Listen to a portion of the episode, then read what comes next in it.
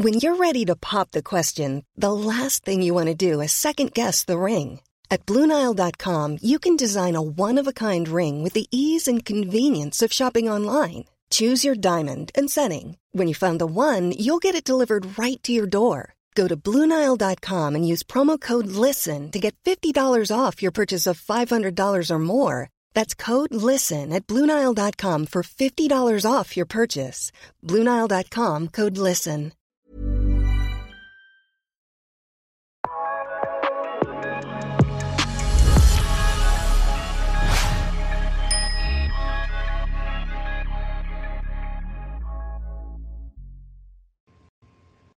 Ja, hej och välkomna till ett nytt avsnitt av den här innebandypodden. Idag har jag med mig Andreas Stefansson. Välkommen! Stort tack! Stort tack! Ja, hur ser en normal dag ut i ditt liv? Eh, oj, eh, den, eh, det är väldigt, väldigt blandat. Eh, det, jag skulle inte säga att eh, den ena dagen är den andra lik eh, så ofta, utan det, är, det blir lite jobb på dagtid och sen så är väl kvällarna ganska lika. Det blir mycket träning på kvällar. Men, men det dagliga arbetet som jag gör är, brukar skifta ganska mycket, kan, kan blanda och ge. Ja, du, ditt arbete, du jobbar med sprit. Vad, kan du, det är en häftig kombination. Håller på med elitidrott och sprit. Kan ja, du berätta? Ja. Alltså det blir ofta som sagt, som, precis som du nämner, det brukar bli lite så här höjda ögonbryn när man, när man nämner det. Men det behöver inte betyda att man sitter och krökar på dagarna. Liksom. Eh, utan det, är, det är mitt jobb precis som att vissa jobbar med att sälja innebandyklubbor eller med att sälja kopiatorer så, så jobbar jag med det. Eh, ja. Och, ehm, och nej, det, jag säljer och marknadsföring eh, för ett bolag som heter Nigab. Eh, så att ehm, det är ju väldigt begränsat vad man får göra i form av eh, försäljning och marknadsföring eh, på just det, det här området. Det är väldigt reglerat här i Sverige. Så att ehm, man får, man får ja, försöka knixa sig fram. Men, men det är kul, det är en rolig bransch. Det jobbar mycket, mycket människor, mycket restauranger. Ehm, och jag, just nu jobbar jag på projekt med, med arenor så att det är lite större, större projekt vilket jag tycker är riktigt kul. Ja, passar dig att uh, tugga med folk och träffa, möta olika människor eller?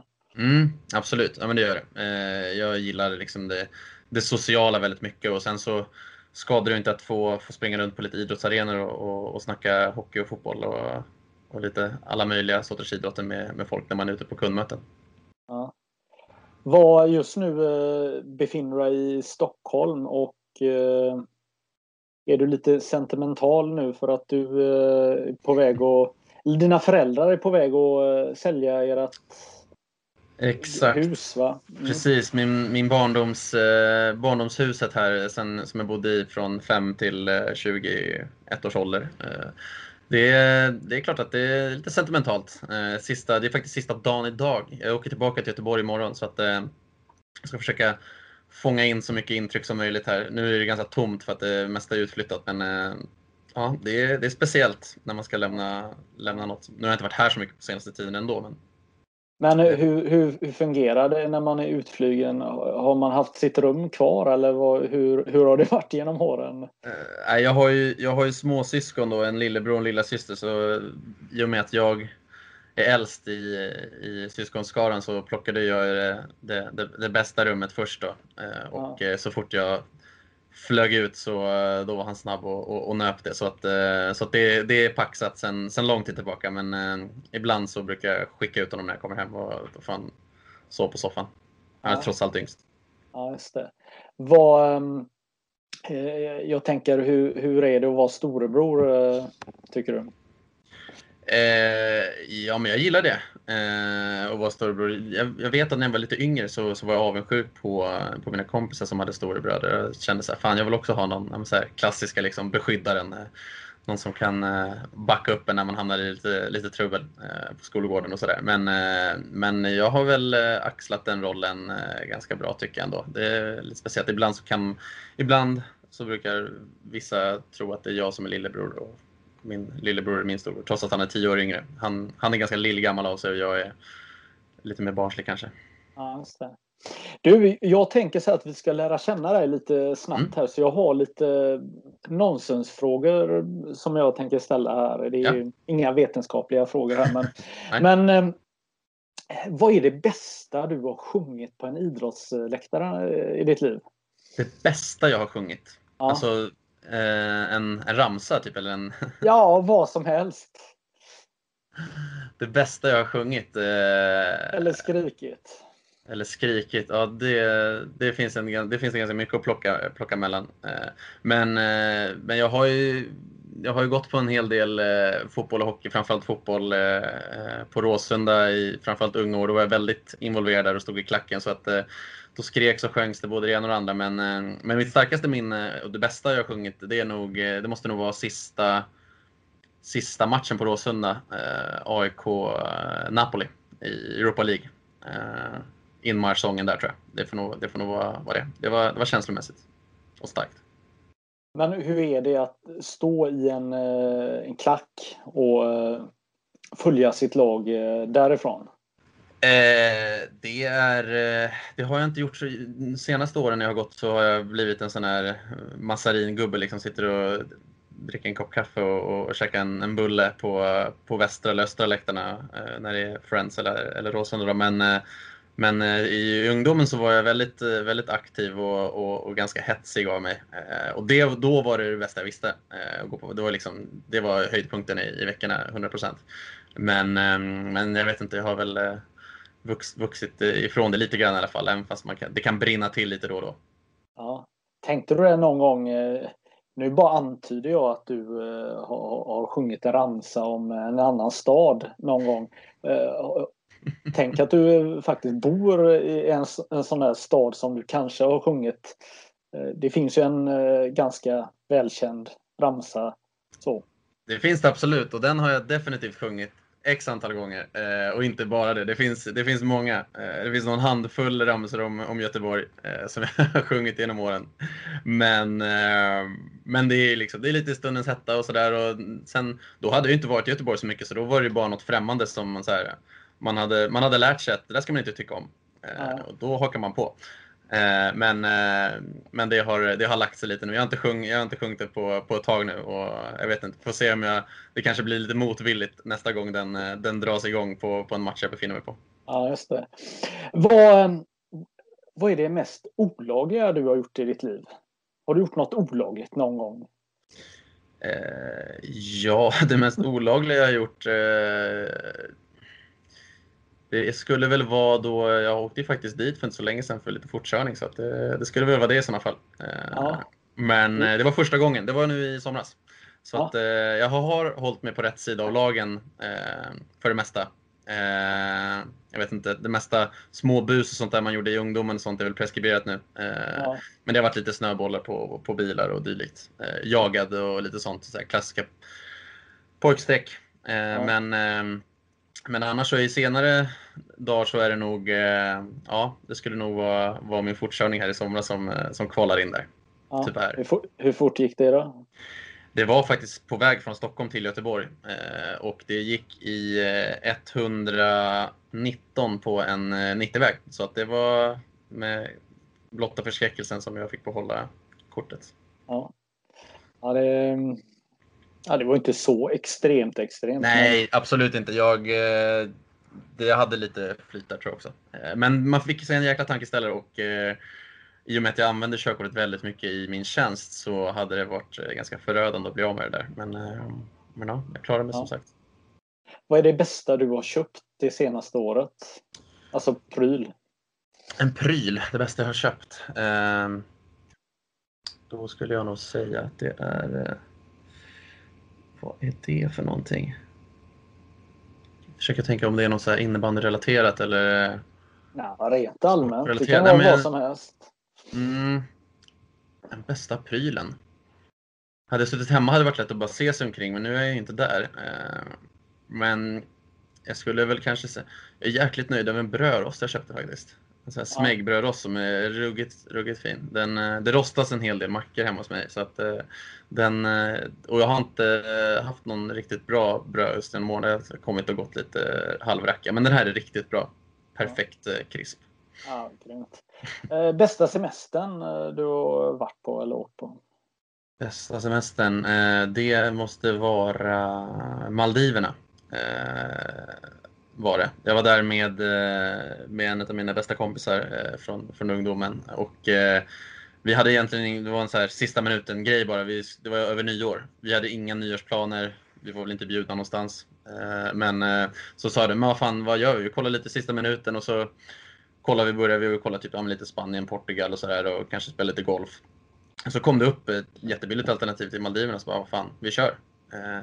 Och då var det, det var rosor på sängarna. De, folk, alla trodde att vi var ett par, eh, vilket vi inte var då. Eh, men, eh, så det var mycket, vi blev väl omhändertagna eh, på den där. Folk trodde att vi var på smekmånad, men ja, det var bara att spela med. Okej, okay. jaha, ni spelar med? Ni ja, men lite så. Vi ja. var ju så jäkla bra treatade så det var ju så här, varför skulle vi breaka den liksom fina, fina starten? Så då fick de, det var rosor på sängen och lite allmänt myspys. Det var härligt. Ja. Ja, och det hade du inga problem med? Och, nej. nej, nej Absolut inte. nej. Vad, vad är viktigast för dig i livet?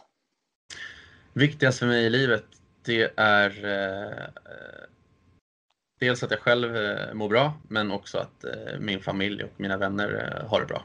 Eh, det, det skulle jag säga är det viktigaste för mig. Ja. Eh, om coachen säger till dig att du tar den nummer tre, du spelar med nummer tre idag. Vad tänker du då? Mm, alltså på ryggen? Ja. Då tänker jag, vad fan, vad fan är det om? Men, eh, men jag hade nog inte varit så svårövertalad. Alltså, jag har 24 på ryggen och eh, det finns väl egentligen ingen så jättestark connection till det, förutom att jag har haft det väldigt länge. Och det grundar sig i grund och botten i att jag fyller år den 24 november. Och då var jag så här, ja men, jag fyller år 24 november, det är julafton den 24 december. Två jäkligt roliga datum. Eh, och eh, ja, men vad fan, det är väl klart att jag ska ha 24 då. Jag blir glad när jag tänker på 24. Ja, ja det är så. Ja. Uh, uh, hur ofta glömmer du uh, dina innebandyklubbor i SSL när det är dags för bortamatch? ja, i alla fall en gång per säsong kanske eh, händer det. Men det är väl lite missförstånd. Eh, jag har lite för mycket tillförlit på, till materialare och, och, och lagkamrater som ska hjälpa mig kanske när jag inte är på plats i omklädningsrummet. Men eh, det har hänt. Nu har jag inte gjort det den här säsongen så det är ändå, det var nära. Mot Dalen var det nära, eh, men eh, nu senast. Men annars så har jag skött mig eh, bra där på senaste. Ja. Men hur, hur tänker du då? Jag menar som innebandyspelare har man väl i ryggmärgen att Eh, de här klubborna. Det, det, är ju vapnet. Jo, jag vet, men jag tror att det grundar sig lite i att så här, jag, jag har aldrig riktigt brytt mig så jäkla mycket om vad jag spelar med. Eh, jag spelar mer med, med mina händer och huvud än vad jag gör med själva materialet. Jag, har liksom, jag tror att det är mer viktigt för, för sådana spelare som kanske ja men, det ska vara en speciell hook för att man ska kunna göra sin båge eller köra sina snurrfinter. Eller, men jag har inte den typen av spelstil. Jag har ju lite så här halv old school stil så jag skulle ju kunna lira med liksom Ibland testar jag lite fram och tillbaka, ibland blir det platt, eh, liksom helt rak vinkel och ibland blir det lite hook. Och det är så här, så då tror jag att så här, det är grund, just av den anledningen så blir det att jag känner att nej men, de är inte så viktiga, jag kan spela med vilken klubba som helst. Eh, och det har ju gått bra de gångerna jag har glömt. Så att det, ja. Men eh, mot Kalmarsund var det väl riktigt eh Speciellt för du fick väl låna klubbor av eh, motståndarlaget? Där, mm, eller? Precis. Eh, jag är sponsrad av Salming och de hade ju Salming så det var ju ganska bra då. Problemet var ju att eh, de var inte sugna på att låna ut klubbor till mig, till motståndarlaget, eh, spelare. Så att jag eh, pratade med Kevin Haglund i, i Kalmarsund då, som är min gamla lagkamrat och frågade men liksom, har, har någon en klubba som jag kan låna. Eh, men det, då skulle det kollas och det var hjärtligt mäcket och till slut så fick jag komma in då medan de var ute på uppvärmning så fick jag komma in och, och kika vad det fanns att välja på. Men då stod det tre stycken sådana här ovala klubbor och, och, väntade på mig där i, ja, med oklar, oklart blad och allt möjligt. Men det var bara att tacka sig emot. Jag tror att det var Wittbergs klubbor faktiskt. Eh, Johan Wittbergs. Så, men det gick ju helt okej ändå. Det blev en kassa i alla fall. Ja, härligt. Kysste du klubban då? Eller? Jag tror faktiskt att jag gjorde någonting, typ. jag höll upp den så här. ja. Hyll, hyllade den. Ja. Var, det blev ett rött kort i början av säsongen va? Var, när man tittar på bilderna efteråt tycker man ju det är klockrent, eller?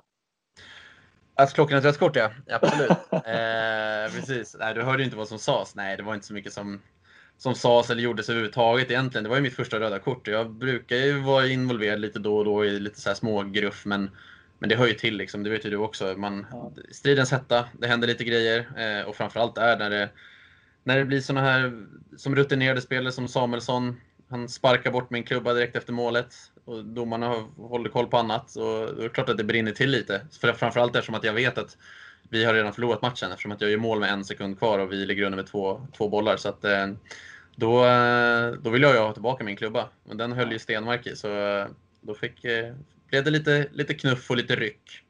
Ja. Men jag tyckte det var lite väl, väl överdrivet att skicka upp två röda där. Framförallt när det var i slutet av matchen. Så där, liksom, det var så här, knuffa ja. bort. För det var verkligen inget det, det skreks inte några liksom, oschystheter egentligen så heller. Så att det, ja.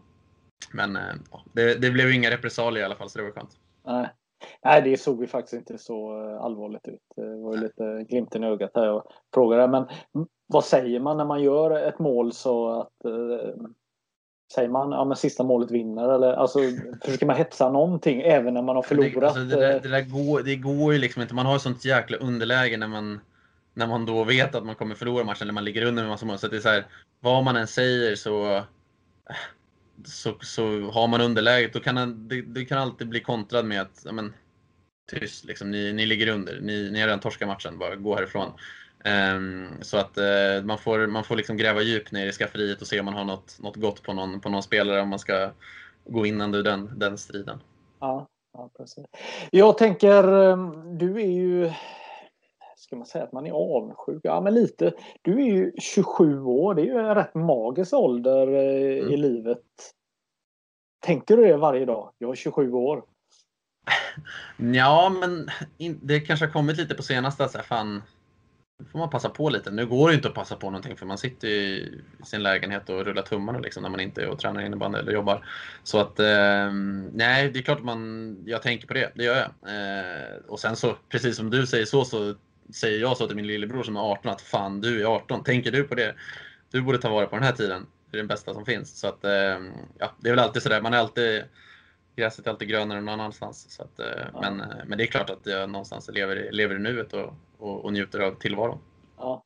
Det finns ju många musiker som eh, det har hänt saker i 27-årsåldern. Det är ju flera som har avslutat sina liv. Ja. Och, ja, Kurt Cobain och ja, ja, det är väl en massa, nu, nu tappar jag namnen på alla här, men, men, det, men det är det är mytomspunnen. Eh, Jimi mm. Hendrix eh, dog väl också av överdos och, och hej och sådär. Men, men, men det är ju någonstans är du lite mitten i, i karriären mm. eventuellt. Det beror på hur länge du ja, tänkt spela innebandy. Men 27 år då, då är man ju, det är nu det, det ska blomma va eller? Exakt, det, det är väl någonstans primen man ska vara i. Vad är det? Det är väl 26, 27, 28, 29 kanske, vad vet jag. Eh, som man ska vara som bäst. Man har rutinen och man, man är väl ändå hyfsat fräsch i kroppen fortfarande. Eh, det tycker jag att jag känner mig som i alla fall. Så, att, eh, så att jag, jag tror nog att jag är i, skulle inte säga mitt livsform kanske, men, men i en väldigt bra form. I alla fall överlag. Så, att, så att det känns bra och det, det är inget jag tar för givet heller. Man, man märker det det gnälls och det ojas över eh, stela leder och allt möjligt liksom på, på vissa spelare som man, som man lirar eller har lirat med. Så att, tyvärr kommer man väl landa där själv också en vacker, ja. eh, eller en inte så vacker dag. Eh, ja. Men så att jag just nu känner jag mig jättefräsch i kroppen och peppar peppar så har jag ju jag har ju aldrig haft någon riktig sådär skada egentligen som har hållit mig borta från innebandyn. Sen jag gjorde min första SSL-match har jag inte missat en enda. Så att så det, det, hoppas jag att jag kan fortsätta med. Ja. Det, det, är inget jag tar för givet att vara skadefri. Vad hände första året i SSL här? Det blev ju 50 kassar. Det är ju världsklass, eller? Ja, i och med att det är världens bästa liga och det blev 50 mål så är det väl världsklass. Eh, och det var inget som jag kanske så riktigt var beredd på eh, egentligen. Det var, jag hade ju varit på dubbellicens i AIK säsongen innan när jag spelade Allsvenskan, vilket gick ju bra i Allsvenskan för mig. Eh, men alla som har spelat på, på de olika nivåerna vet ju att det är ett jäkla, jäkla kliv upp. Eh, och, och jag kände väl ganska så här, som sagt i de här eh, matcherna jag spelade på dubbellicens med, med AIK säsongen innan att så här, shit, det här var tufft alltså. Jag gjorde ju, fick ju en match där jag spelade nästan hela matchen och då kom till liksom ett halvt avslut på mål och, och något inhopp gjorde jag väl också där jag kände att oj, det här är, det är ganska tufft att liksom ha bröderna Karlsson i, i, i ryggen liksom när man ska stå och peta in sina mål som man har gjort med, med liksom lite enkelhet i, i Allsvenskan. Så att eh, då får man bara försöka ändra till att det blir ett ännu mer vinnande koncept liksom och, och ja, tuffa till sig lite. Ja, just det. Eh, du blev ju årets rookie då i eh, SSL. Eh, jag träffade ju dig egentligen första gången på den här banketten. Jag mm. håller ju på att trilla av stolen. Jag bara kände shit. Vem är det här? Det här känns som att du, du har fötts 20 år för sent. Det kändes som att och sitta i en tidsmaskin. Att man var tillbaka eh, på fornöden-tiden, alltså när det var mm. kaxighet och ja, du är den överlägset kaxigaste killen som har fått priset som årets rookie. Uh, vad kommer det här? Vad, vad kommer din... Uh... Ja, alltså det är ju ganska intressant för att eh, det här är ju lite när, inför min säsong i SSL, så, min första med AIK, så kände jag så här. Det, jag, jag blev lite hypad efter målen som jag gjorde i Allsvenskan och jag slog i målrekord där och det var ju kul och så. Men samtidigt så, ja, man vill ju uppmärksamhet och man vill ju göra, sätta avtryck och kände väl så här, fan, det här var ju inte så jävla, jag vill ju ha mer än så här. Eh, och och sen så har man ju ändå följt innebandyn och, och, läst artiklar och det har sagts grejer och det har skrivits tweet om att ja, men det saknas profiler inom innebandyn. Och, och då kände jag så här, vad fan, jag kan väl göra, jag kan väl göra innebandyn en liten tjänst och vässa till mig lite där. Um, för jag har aldrig riktigt varit en sån här super, jag är inte så här trash-talkig och, och så på planen överlag eller varit sådär överdrivet kaxig. Men jag kände att så här, fan, ja, ja men någon måste fan sticka ut hakan lite grann och, och, och vara lite Järv och sådär. Så att eh, då började det med den här, allting började egentligen med att jag sa, jag vet inte om det var till er i Magget, det var väl det, eh, att, ja, men, att målen är lika stora i SSL, att då kan jag göra 50 mål i Allsvenskan så kan vi lika bra göra i SSL också. Ja. Och då började det ju, då fick jag ju en stämpel ganska tidigt i och med att många visste inte vem jag var. Men då blev jag ju den här kaxiga ungjäveln som, som trodde att han var något. Liksom. Och så stockholmare till råga på allt också, så då får man ju får man en extra känga oftast. Eh, så att eh, det var väl där det började lite och då, sen så i och med att det gick bra för mig och eh, det var fler och fler som, som kände att så här, fan är den här idioten liksom. Ehm, samtidigt som jag fick många liksom hejarop också såklart, så, så var det något som triggade och drev mig och då kände jag så här, fan, det här, liksom, det här fortsätter jag gärna med för att det, det gynnar mig samtidigt som det verkar som att folk tycker att det är underhållande och kul.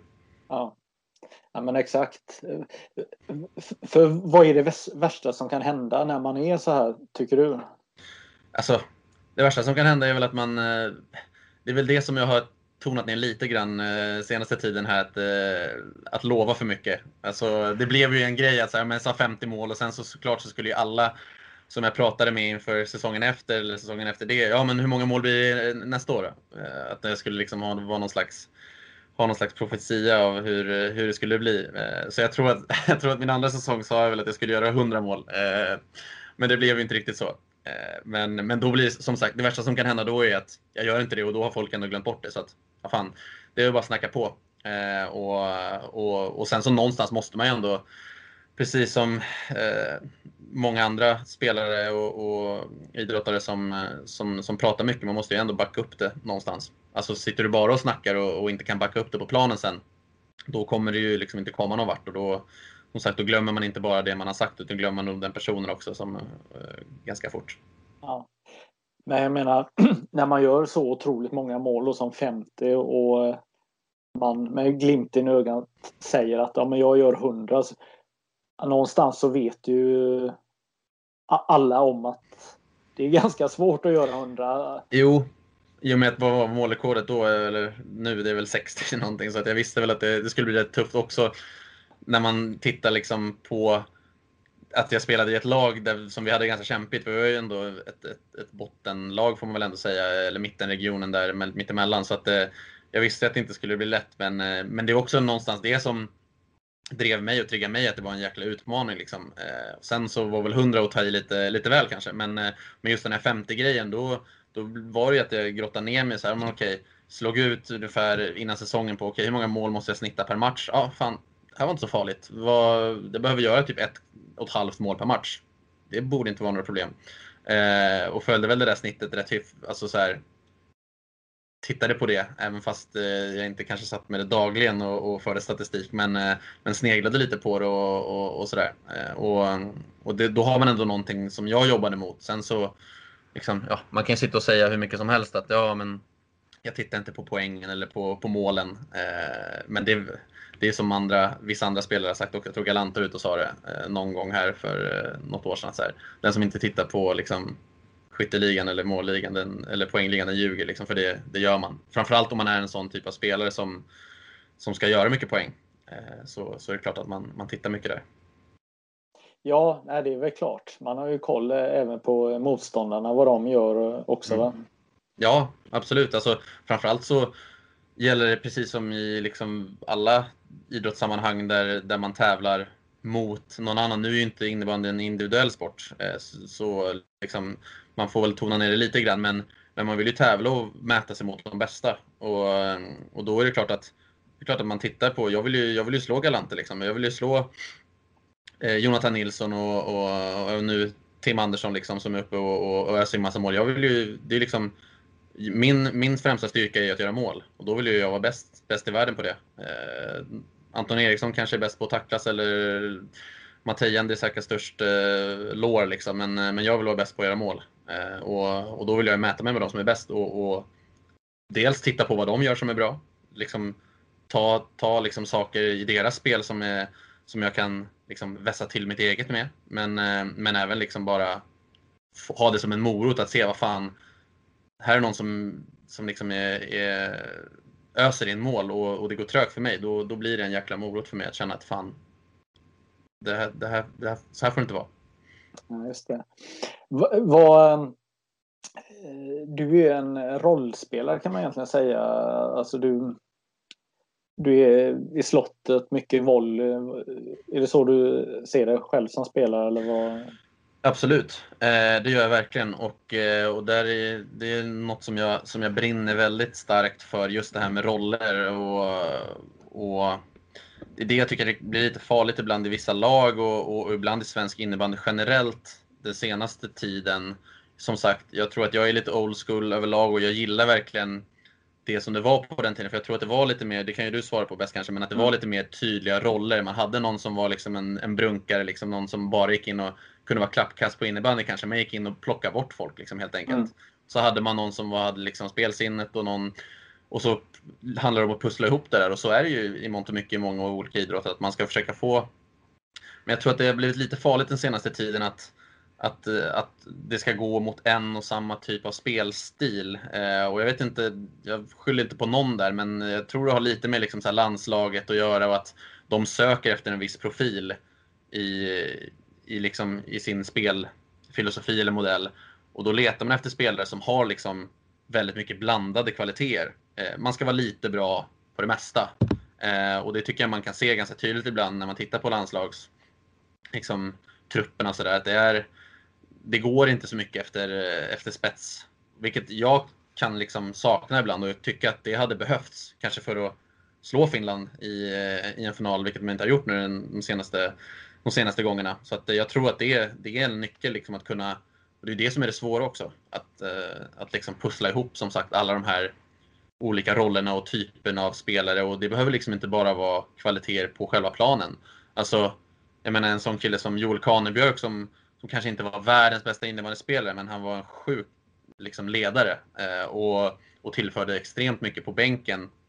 I alla fall den tiden jag var AIK, det har man ju hört alla liksom, som har spelat med honom i landslaget också. Så här, han var inte med, det var något VM han kanske inte spelade så jävla mycket. Han, gjorde några, liksom, han var ju stabil liksom. Men, eh, men framförallt så var han en jävla pådrivare och, och, och tillförde mycket på det viset. Så att eh, ja, det, jag tror att det, det, är, det är den som vägen att gå. Back to back to basics liksom.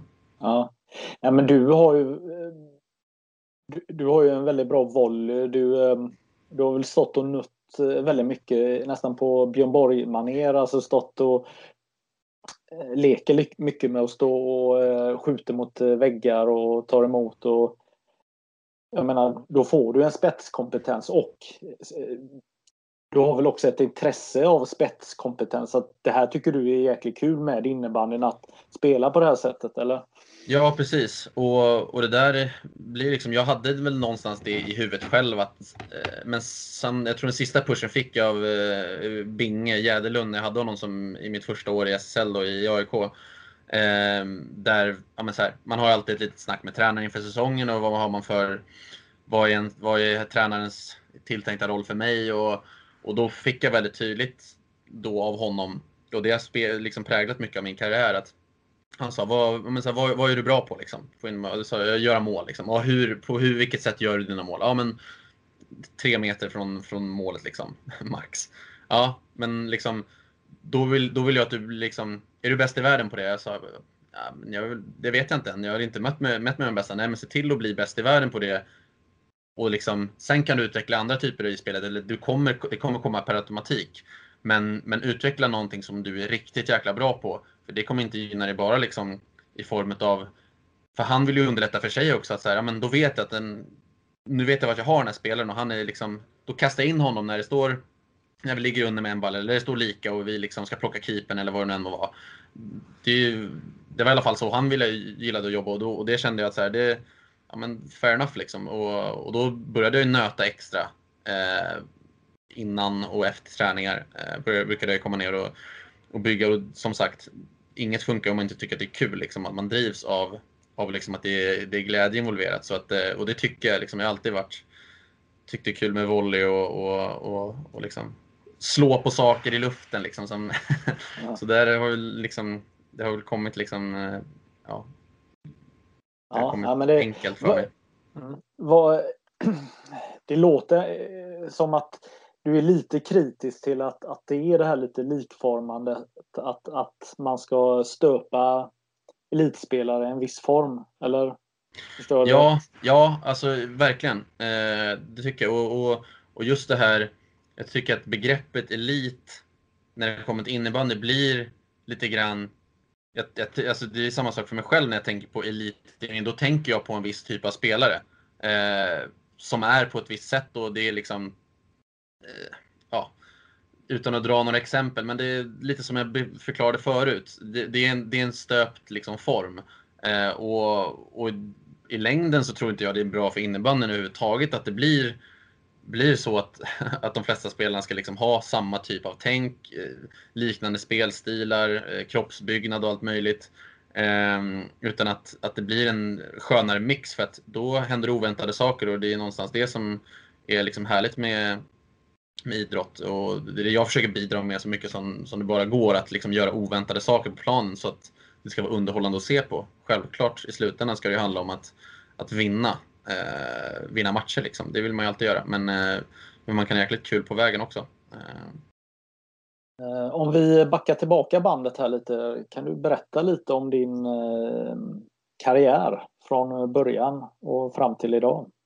Yes. Um, Ja, den började ju lite senare än för de flesta tror jag, eller i alla fall de som jag spelar med i, idag. I alla fall. De flesta började väl i tidig liksom 5, 6, 7 års ålder. Eh, men eh, jag, det var lite andra idrotter som, som föll mig i tycket och såklart fotboll som det är för de allra flesta, men lite hockey eh, också. Eh, lite handboll och tennis framförallt. Eh, och eh, sen så egentligen var det en spelare som heter Jakob Sagmeister som spelar i Höllviken just nu. Jag spelat i Bela Barkarby många år. Våra systrar eh, var goda vänner och lekte mycket. Eh, och eh, så skulle jag väl dit och hämta henne någon gång och då var jag väl 11-12 år och då jag hade ju spelat mycket innebandy på skolgården och det var väl någonstans det, det som formade mig som innebandyspelare och kanske gör att jag har den spelartypen jag har idag. Men, eh, men då sa han så här, fan du, du är rätt okej på innebandy liksom. Jag har träning ikväll, ska du inte hänga med och, och, och, och, och spela liksom? Du kan bara prova. Så jag hängde på. Då spelade han i AIK, eh, AIKs pojkar 93. Och eh, då hakade jag på där och tyckte det var skitkul. Jag var ju absolut eh, inte speciellt bra, eller Bra. Jag hade en ganska säregen spelstil som sagt. Eh, jag hade ingen aning om vad slag var eh, och reglerna generellt var ganska tuffa. I min första match med AIK då så, så åkte jag ut på, fick jag en utvisning för avstånd. Och jag fattade ingenting. Helt plötsligt så sa någon att jag var utvisad och jag hade ju bara stått där. Så att jag, jag fattade ingenting. Jag blev väl jätteledsen tror jag också. min farsa stod där, han fattade inte heller. Vad fan blev han utvisad för? Liksom, vad fan är det frågan om? Men eh, ja, då var det ju tre meters avstånd som gällde. Eh, men det var i alla fall eh, så, det, så jag kom in på innebandyn. Spelade AIKs ungdoms... Eh, sektion i eh, ett par år tills jag blev 15, 16 eh, tror jag. Då la jag faktiskt av med innebandyn ett tag och satsade på fotbollen igen. Lite mer. Och eh, sen, det var under tiden det var stadslag och sånt. Eh, inte för att jag var så aktuell för det ändå. Jag hade nog absolut inte blivit uttagen eh, till Stockholms stadslag, men, eh, men det var i den vevan. Eh, och sen så saknade jag innebandy lite grann och då test, kom jag tillbaka till AIK och lirade som back då eh, i eh, drygt ett år i, under herrjuniortiden. Och ehm, sen så skulle de göra någon slags rockad, eller de skulle göra en nysatsning på AIKs ungdomsled så att de eh, plockade bort våra lag egentligen och sa tack, men nu får ni hitta något annat lag. Så då var det jag och en annan spelare som eh, gick till Hässelby eh, som också ligger här i utkanten av Stockholm. Eh, och eh, dit gick man som back och Hässelby var väldigt, väldigt duktiga då. Så att jag visste att det här blir tufft, men jag var bara glad för att jag fick vara med liksom och fick förtroende att spela ett sånt, sånt duktigt lag. Eh, och Albin Sjögren bland annat hade vi i laget då som någonstans skulle bära oss genom, genom JAS. Eh, så det var ju första JAS-året eh, för mig. Eh, men det blev inte så mycket speltid. Jag satt på, på bänken där som eh, åttonde val på backen. Men, eh, men det, var, det var nyttigt på, ja. på många sätt ändå. Ja. Och, var det under den här tiden du bara var back? Eller ja, var du, ja. Ja, då, var, då var jag bara back. Eh, och det var jag i ett eller två år i Hässelby där eh, under första JAS-åren. Och sen så, mitt sista JAS-år då, så var det en stor satsning som gjordes då i Järfälla där man samlade ihop väldigt många duktiga 93 från hela, hela Stockholm. Eh, framförallt från Järfälla och Hässelby. Och vi skulle väl egentligen bara vi var ju topptippade att vinna JAS och jag var ju fortfarande back då. Eh, hade väl börjat spela lite grann i alla fall eh, tredje backpar och sånt där. Eh, och, men vi åkte ut mot Örebro som kom med ett lag fullt av eh, ett år yngre spelare. Eh, de vann ju till slut hela grejen tror jag och typ två år i rad eller sånt där. De var ju helt sjukt duktiga. Eh, Ekengren och de här gubbarna. Så att, eh, det var det var, det var lite antiklimax där. Vi, vi åkte ut i liksom åttondelsfinalen och vi trodde att vi skulle vinna hela grejen. Så att, eh, och efter det så, så var ju liksom då var det, blir det ju herrjunioren i bandy och det gjorde jag ju i Järfälla. Medan jag såg hur alla mina lagkamrater och gamla polare började komma upp i A-laget så harvade jag på i, eh, i juniorlaget. Eh, fick vara med på någon bortamatch kanske med A-laget om det saknades någon, men det var, inte, det var sparsamt med speltid. Och, ja. Ja, men hur, hur känner man när man hamnar i en backpositionsläge när du är en goalgetter? Alltså vad, hur känner man kring det? Eller ja, accepterar man rollen? Eh, ja, alltså det, är jätte, det blir lite märkligt för att jag känner ju så här att det var ju någonstans någon tränare som skolade om mig lite grann tillbaka. För jag hade ändå varit forward och det var ju det jag ville vara. Så att, men som hade sett egenskaper hos mig som så här, ja, men, han har backegenskaper. Vad de nu kommer ifrån, det har jag ingen aning eh, om. Men eh, men det, då gick det ändå, det, det ska ändå sägas att det gick ganska bra för mig. Eh, jag var ändå ganska så här, bolltrygg och, och sen i själva försvarsspelet var jag väl ingen klippa liksom. Men, eh, men jag var en ganska bra offensiv back ändå. Jag gjorde ju lite mål för jag sköt ju ganska mycket och, och sådär så att det, ja, det gick ändå, gick ändå helt eh, dugligt. Eh, men sen så var det väl som sagt sen i, när jag blev 18-19 där efter JAS, då var det ju någon som bara så här, var varför, varför spelar du back för? Eh, det, här, det här går inte. Eh, och då blev jag upplockad till forward. Så det, det, men just att spela back, det var, jag tror det var nyttigt ändå på något sätt att få, få lite insikt i hur det är. Eh, nu när jag är så utpräglad liksom forward som jag är så har jag ändå lite förståelse för hur backarna kan ha det ibland. Ja, just det. Vad, ehm, jag tänker Island. Mm. Du är ju med landslaget Island. Nu är det inte så jättemycket verksamhet för, Islands eh, innebandylandslag. Men det är, det är ju för att din mamma kommer från Island. Det stämmer. Hon är därifrån och flyttade hit när hon träffade min pappa för en, ja, 29 år sedan lite drygt. Så att Ja precis, hon är därifrån. Min pappa är från, från, från Stockholm. Ehm, och, just landslaget där är ju det är lite speciellt som du säger, det är inte så mycket aktivitet. Det är egentligen inte vanligtvis heller icke, under icke-pandemi. Eh, det, det är svårt att eh, dra upp samlingar i och med att eh, sporten är så ny. Det är inte liksom det, det, det, är, det är några som drar ett ganska tungt lass när det kommer till liksom samlingar och resor och sånt där. Men, men det görs ju absolut en, ibland en om året, men något år så vart det ingenting. Men så fort det är dags för VM-kvalår så har vi alltid en, en samling eh, tidigare eh, under våren då, eller, eller hösten eh, beroende på när det spelas. Eh, så vi brukar samlas. Ju, vi har väl en fyra stycken som bor här i Sverige som är, har isländskt ursprung eh, som spelar och resten bor på Island. Så att de tränar ju på och kör liksom sin verksamhet där såklart. Men eh, det är inte jätteofta man hinner dit. Men eh, ibland, ibland, det har blivit några resor dit i alla fall och vara med på några så här helgläger. Mm.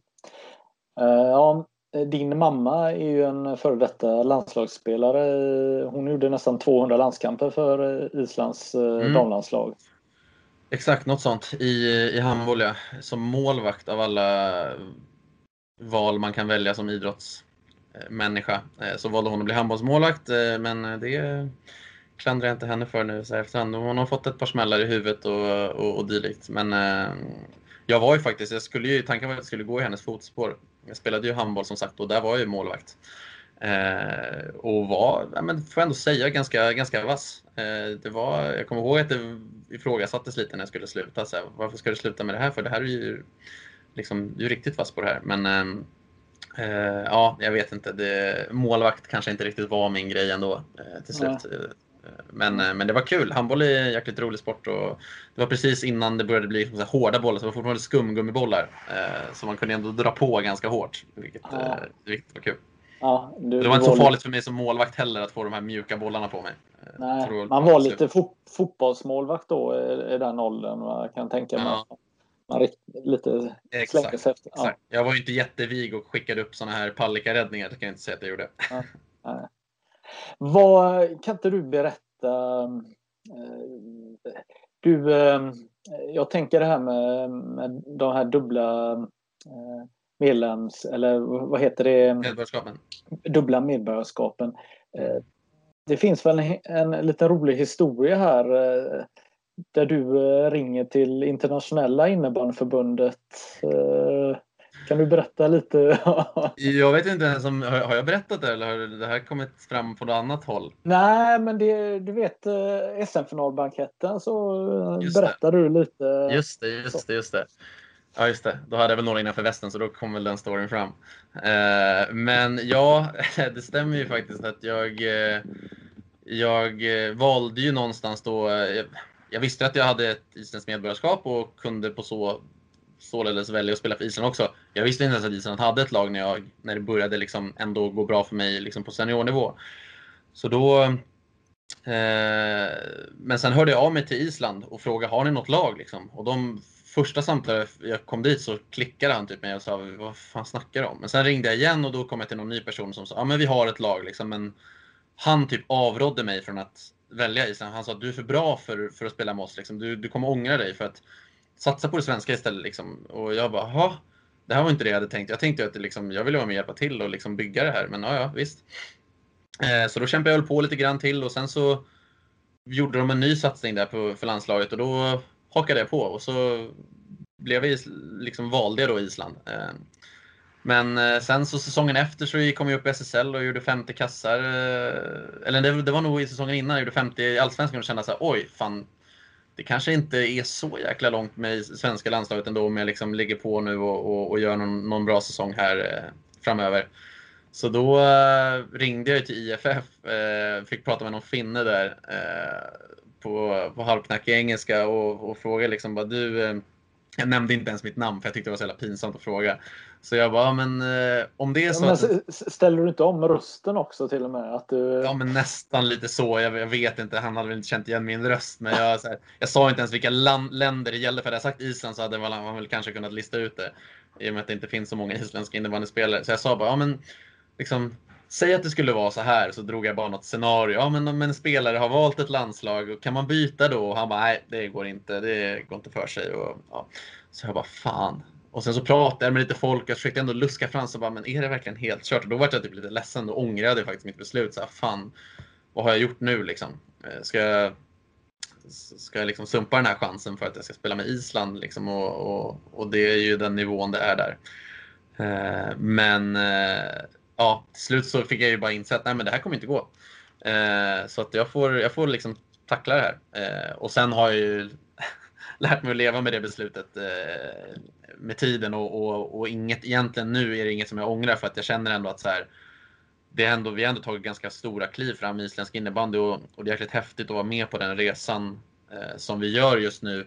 Från att liksom se en sport liksom i sin totala vagga bara, att det finns ett 50-tal spelare liksom på, på ön till att ja, men det börjar komma igång med, med ungdomsverksamheter, småkids börjar lira och att det fanns, finns ett intresse. Vi har gjort vår första landskamp på Island. Eh, där vi spelade två matcher mot USA och det, liksom, det var ändå några hundra pers på matchen. Så jag tror att det är en ganska bra sport som, alltså för just Island. Det skulle kunna, kunna slå ganska, ganska stort där.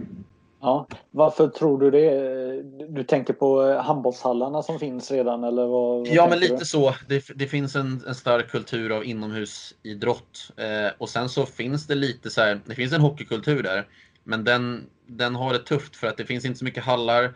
Utrustning är svårt att få dit. Liksom. Det finns inga stora återförsäljare där, utan det får man beställa och, och det, ja, så det är lite tufft. Med innebandyn är ju så simpelt med ett par dojor och liksom en klubba så kan du lira om det faciliteterna med, med sarg och, och, bollar finns bara och mål. Så att eh, jag tror att det, det är en, liksom en, ett bra komplement till just handbollen som är väldigt stor som sagt. Eh, och, eh, och nu är ju fotbollen väldigt stor men, men, men som ett komplement till handbollen som inomhusidrott tror jag verkligen att eh, det kan funka. Sen är det ju inte sån jättestor skillnad att eh, spela Islands landslag kontra Sveriges landslag eh, egentligen, alltså med förutsättningar. Det är ju inte så att du får en Porsche för att spela i svenska landslaget kontra Islands Nej. landslag. Nej, visst är det så. Alltså det, är, det är väl inga milslånga kliv, men samtidigt så är det ändå det märker man när man är på, vi har ju spelat, vi har ju kvalat mot Sverige två gånger. Eh, nu mötte vi inte Sverige senaste kvalet, men vi var på samma plats och man märker ju alltså att det är ju en professionalitet som är extremt hög när det kommer till Sverige och även Finland och Schweiz och sådär. Medan Island så är det lite, ja men, det, är lite, det, det blir vad det blir och, och vi kommer dit och det det är klart att vi är seriösa när vi väl är på plats. Det är inte så vi sitter och dricker bärs liksom innan, innan matcherna. Men, men, eh, men man får ändå ha respekt för att alla som är där för Islands räkning betalar ju liksom för, att, för att få åka dit. Så det är väl den stora skillnaden då att eh, Fritzell och gubbarna betalar inte när de, från egen ficka när de ska på landslagsläger utan, eh, utan där, eh, där står ju de för allting. Men vi betalar ofta för, för boende och, och resa och, och i viss mån lite käk och sånt där. Så att det, det är ju liksom, det är, det är några tusen lappar som går och då, och då får man ändå tänka på att de här killarna, de, det, är liksom, det är deras fritid som de, som de lägger på det här. De är ju ja. långt ifrån professionella innebandyspelare. Exakt. Vad, Eh, du som då befinner dig på den här innebandy, inte bakgård, men det är ändå långt ifrån eh, att nå VM och hela den här mm. biten. Alltså vad, vad är realistiska målsättningar för ett, ett innebandyland och landslag? Eh, alltså vad, vad har man att sikta på egentligen? Ja, men vårt stora mål är såklart att, att ta oss till VM. Eh, som du säger, visst vi är inte jättenära men vi har ändå tagit som sagt kliv och jag menar vi möter ett Estland förra kvalet som är ändå ja, men, nästan en topp 10-nation. Eh, om inte bättre, men väl 7-8 kanske, 9 och sånt där. Eh, och leder liksom efter första perioden. Och, sen är det ju, vi är väldigt beroende av ett fåtal spelare, mig däribland eh, såklart. Eh, men, eh, men jag tror att, och det är det som är lite svårt med rankingen och så här att vi spelar ju inte så många matcher. Det är ju, liksom, vi spelar VM-kval vartannat år och det är ju de enda rankade matcherna vi spelar. Så att vi har inte så mycket matcher att påverka vår ranking. Så att vi ser ju dels varje kval som en, en chans att gå till VM såklart. Det är det stora målet, även fast vi vet att det krävs extremt mycket.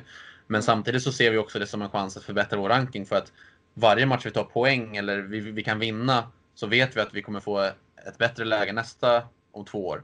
Mm. Att kunna, kunna ta oss till VM. Så att, så att liksom ingen match liksom får ju liksom gå till spillo. Utan har vi en match som är en placeringsmatch i sista matchen mot ett land som kanske ligger snäppet före oss så, så vet vi att vinner vi den matchen så får vi, får vi bra poäng på ranken och kan liksom få en, en lite skönare lottning nästa, nästa tillfälle. Ja. Hur mycket speltid får då Andreas Stefansson? Alltså hur mycket kan man mäkta med att spela en innebandymatch? Eh, nonstop spelar du inte men, men, men hur, hur mycket kan man spela? Alltså det där är så, just i och med att jag går in i en helt annan roll när jag spelar med isländska landslaget än mm. när jag spelar i, i SSL i och med som, det, som jag sa tidigare, jag är en rollspelare som har mina liksom, eh, spetsegenskaper men någonstans så är jag ju tvungen att bredda dem i landslaget för att liksom, ja, kunna bidra med så mycket som möjligt. Eh, jag kommer inte få så mycket att jobba med om jag bara står framför kassen liksom och, och vevar. Eh, så att eh, det, det, det, blir en hel del speltid, men samtidigt så är de här kvalen är upplagda som så att vi spelar match. Nu blir det då fyra, fyra matcher på fyra dagar. Så att eh, oftast är man ganska trött när man kommer hem från de där eh, samlingarna och sista matchen kanske man inte har supermycket energi. Men eh, det gäller ändå att spara och se så här, ja men okej, ska vi möta eh, vilka mötte vi nu senare? Vi mötte väl typ Lettland eller om det var Danmark mötte vi som var värdnation. Och det är så här, ja, de är, de, vi vet att de är alldeles för bra för oss. Vi kommer inte ha en chans. Målskillnaden kanske inte är så superviktig, så då är det ingen mening för mig att hålla på och spela liksom 40 minuter av en match bara för att liksom vi ska hålla nere siffrorna eller liksom ge dem en match. Eh, när vi vet att det blir extremt svårt. Så att, eh, då får man, det blir lite så här, man får, man får mixa lite med, med tiden. Och, och sen i de matcherna där, där, eh, där vi vet att vi har en chans, där såklart blir det, blir det lite mer.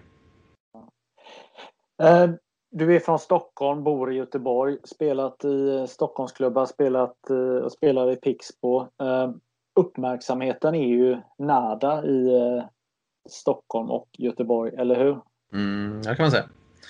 Det kan man säga att det är. Det är det är såklart tråkigt och, och där kan man ju avundas lite grann lag så som ja, men, Mullsjö och de här från lite mindre städer, Falun inte minst. Eh, alltså, även fast Falun är en hyfsat stor stad så där andas ju verkligen folk innebandy och liksom det, det avundas man ju lite ibland att, liksom, att, att det är den kulturen. För det är ju långt ifrån i, i, i Stockholm och Göteborg. Det, det här får man ju kriga för, och liksom, för det lilla. Man blir liksom glad om det skrivs eh, i lokaltidningen liksom i, mitt i Solna om, om vi vann en match med, med Gnaget liksom, eller i Härryda posten då i, i Göteborg. Så att det, man har ju lärt sig att bli glad för det lilla liksom, uppmärksamhet som man själv och, och laget får i, i, i såväl liksom, sociala medier som gammelmedia och, och allt möjligt.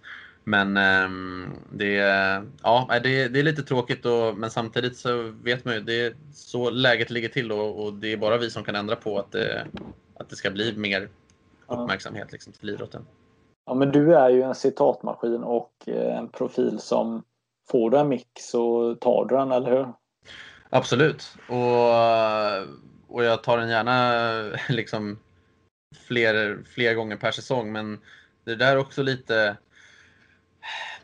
den senaste tiden så har jag märkt att eh, men, det kan vara, till exempel, jag har, inte fått, jag har inte fått åka på de två senaste upptaktsträffarna, vad det beror på. Det kanske vi inte kan gå in på här, men, men liksom, det finns en liten rädsla också i, i, i vissa delar av, eh, av innebandyn.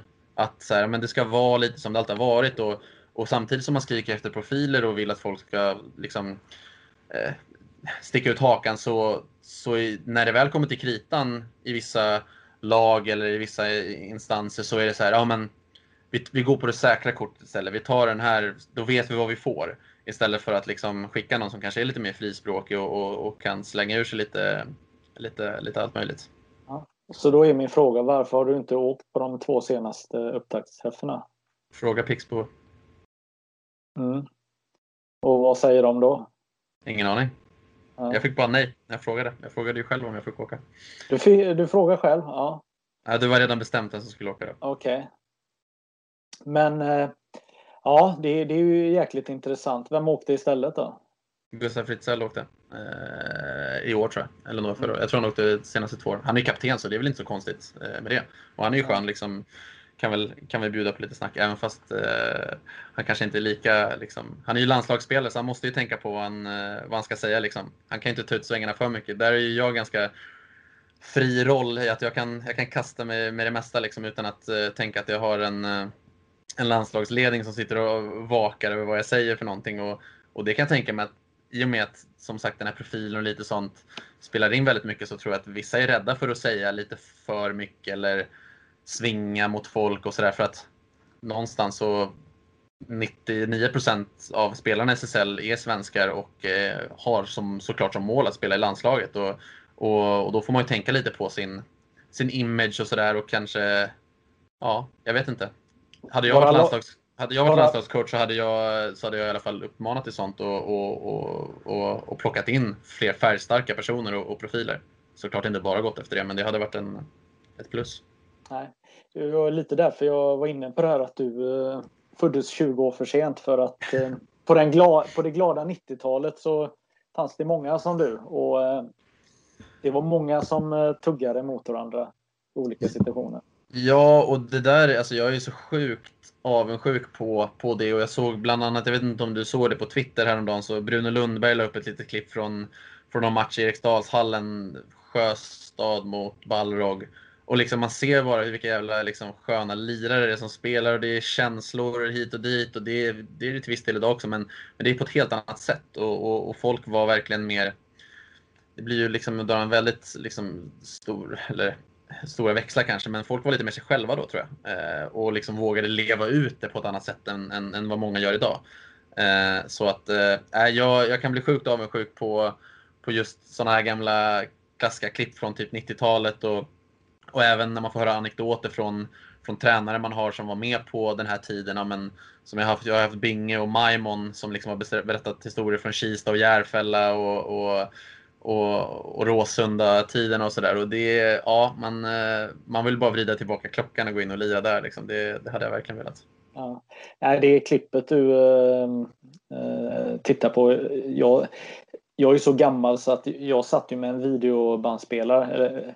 Äh, video heter det och, och spelade in det här. Och så, jag har ju sett det många gånger men jag har mm. inte sett det på sen Jesus gick i kortbyxor. Men, men jag, jag såg det nog fem gånger i rad och det var som en tidsmaskin och man, eh, man blev lycklig av det. Man, mm. Du eh, var inte med då men du, du, du fattade vad det handlade om och, och det var verkligen ja. så att någon var långhårig, någon var det, någon var... Ja, det, det var verkligen... Eh, man gjorde målgester också. Ja, det är ju någonting. Där, där är jag ju en av dem som är lite för dåliga på det. Men, men det är det är ju någonting som är för dåligt. Där, där vill jag, jag vill ha mer målgester. Eh, han Bruno Lundbergs sköna moonwalk till exempel. Det är, man behöver kanske inte ta det så långt, men, men liksom, och det behöver inte ens vara en målgest. Men, men det är ju mycket, och där som sagt, jag är den första att ställa mig liksom, och, i skamvrån där, att det, ibland visar man inte ens känslor när man gör mål. Sen är det ju svårt när man spelar i en hall inför 150 pers liksom ibland, att, att liksom, man får inte så mycket tillbaka kanske. Men, eh, men någonstans är det en signal man skickar, dels mot motståndarna men även till sina egna lagkamrater, liksom, att man visar känsla, att man blir jävligt glad när man gör mål. Det är aldrig förstått, liksom, så här, folk som gör mål och så blir de lite skygga så här, och så ah, en liten high five eh, till lagkamraterna och sen så går man och sätter sig på bänken. Och, och liksom, man ser nästan ibland att vissa försöker verkligen inte visa några känslor. Eh, och då blir det så här, men vad fan, det ska, det ska väl vara tvärtom, herregud. Att, eh, det är ju därför man håller på, för att det är kul och att man liksom man vill vinna och, och, göra mål eh, mm. för sitt lag och med sitt lag. Så att, eh, det där är en utveckling som jag hoppas eh, kan vridas lite på. Nej, men du som, eh, som också har spelat fotboll och en fotbollssupporter. Du kan ju säkert förklara 40-50 olika fotbollsspelare hur deras målgester är mm. både på nationell och, och internationell nivå tänker jag. Men eh, runt innebandy så är precis som du säger, det, det är väldigt, allt är lagom. Det, mm. det, jag menar, en av årets höjdpunkter var ju när, vad heter han i Mullsjö, när han avgjorde och sprang in i omklädningsrummet. Garnevika. Ja, han är ju väl en av få som, som gör lite sköna målgester. Han har ju, han har ju en patenterad så här, knäslide liksom. Säga vad man vill om den, men alltså det är ju... Och hans, hans knän kanske inte mår så jävla bra av det, men det är ju det är en gubbe som lirar med känslan utanpå liksom, och, och, och, det är det folk tycker är kul och det är därför han liksom hyllas mycket för det, för det han gör liksom, och, och tycker det blir lite för, just när det kommer till honom så här, folk letar efter så mycket profiler så här, så, så då vill man sätta liksom stämplar på, typ så här, ja men Kim Garnevik är en trashtalker. Han är inte så jävla, men det är ingen annan som trashtalkar, så det är klart att han får den stämpeln, men jag tycker att han borde hyllas eh, för mycket annat eh, än, än bara det. Eh, bara just den här trashtalk-biten. Ja. Vad, Sverige, vad, vad, gör, vad gör vi bra med, med landslag och vad gör vi dåligt med landslag? Du som inte har någonting att riskera. Vad, Exakt. Jag kan ju prata fritt utan att liksom, ha en kniv mot strupen. Eh, nej, jag, jag, tycker att eh, just liksom, seriositeten är jävligt bra. Eh, det märker jag som utomstående när jag ser Sverige i olika sammanhang, liksom, landslagsmässigt. Och, och liksom det, man märker att så här, men man tar saker och ting på allvar och det är, liksom, det är uppstyrt och, och, och, och man är ändå det är klart, man är ju, Sverige är ett jättestort föredöme för, för alla andra. Alltså för Island och även för, ja, men liksom för Schweiz och, och Tjeckien som, som är precis hack i häl. Eh, så det är klart att det blir ju lite så här storebror och liksom att folk tittar på vad Sverige gör och, och, och tar efter. och, och det är såklart att man, man har en jävla viktig roll där. Eh, och jag tycker att Sverige gör det bra i, i mångt och mycket, men det är väl så här, det är små grejer man vill gå in och peta i, alltså som typ laget och sådär. Men det kommer man ju alla alltid ha åsikter om. Eh, hur man ska spela eller ja, hur, hur man ska bygga laget och vad man liksom utstrå eller så här, vad man eh, vad man eh, visar utåt. Så här, men det här, är, det, här är, det här är vad vi är ute efter. Eh, att man kanske har en lite mer mång, liksom, facetterad eh, liksom, skål som man, som man letar i istället för att bara titta efter samma stöpta form. Så att, eh, det, är väl det, det är väl det som vi var inne på tidigare. Det är väl det jag tycker att man kan liksom, steppa upp lite grann. Eh, eller steppa mm. tillbaka blir det i viss mån i och med att det var lite mer så förr. Mm. Jag tänker på en annan sak som faktiskt har lite bubblat upp här nu. Det gäller hur innebandy bevakas i SSL tänker tv-sändningarna nu har ju faktiskt lite innebandyprofiler runt om i, i Sverige haft lite åsikter om eh, hur de är. Hur, hur, hur tycker du att, att eh, det är kring eh, sändningarna? Eh, svårt. Alltså jag tittar ju en hel del liksom och ser ju ibland, alltså tittar ju våra matcher efterhand och sådär. Eh, fokuserar kanske inte så mycket på själva produktionen då. Men det är ju väldigt högt, höga liksom, toppar och djupa dalar. Liksom, ena dagen sitter Mika Pakalén och, och med någon som sidekick till någon väldigt duktig och så är det, liksom, det är bra snack och, och, och det kan vara väldigt bra kameraman och, och tyvärr en vinkel, vilket många har varit inne på. Jag tycker också det är extremt tråkigt att det bara är liksom en kameravinkel på matcherna.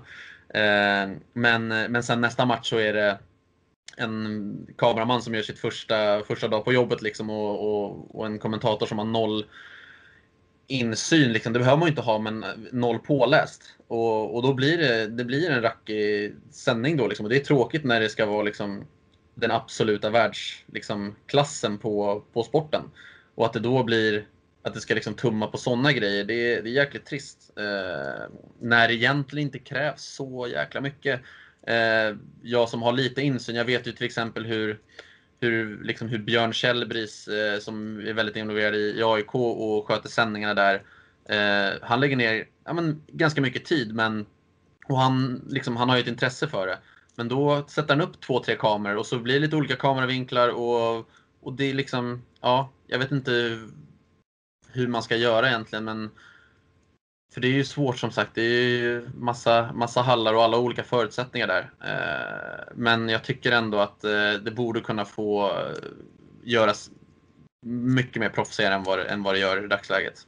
Det känns som att det har stått still ganska länge och i vissa fall även tagit steg tillbaka. Jag menar, tittar man för några år sedan, det var precis när jag kom upp i SSL, då hade ju många klubbar sin egen livesändning. Vissa hade ju till och med studio där de pluckade in och intervjuade gamla spelare eller spelare under matchen. Eh, Medan vissa kanske hade det kämpigare. Så det känns som att vissa var här uppe, vissa var här nere och så möttes man någonstans liksom på mitten istället för att ja, men, ta rygg på de som gör det jäkligt bra. Eh, men det är det här svåra. Det, det finns inte så jättemycket pengar så då är det mycket ideella krafter och det finns inte överallt.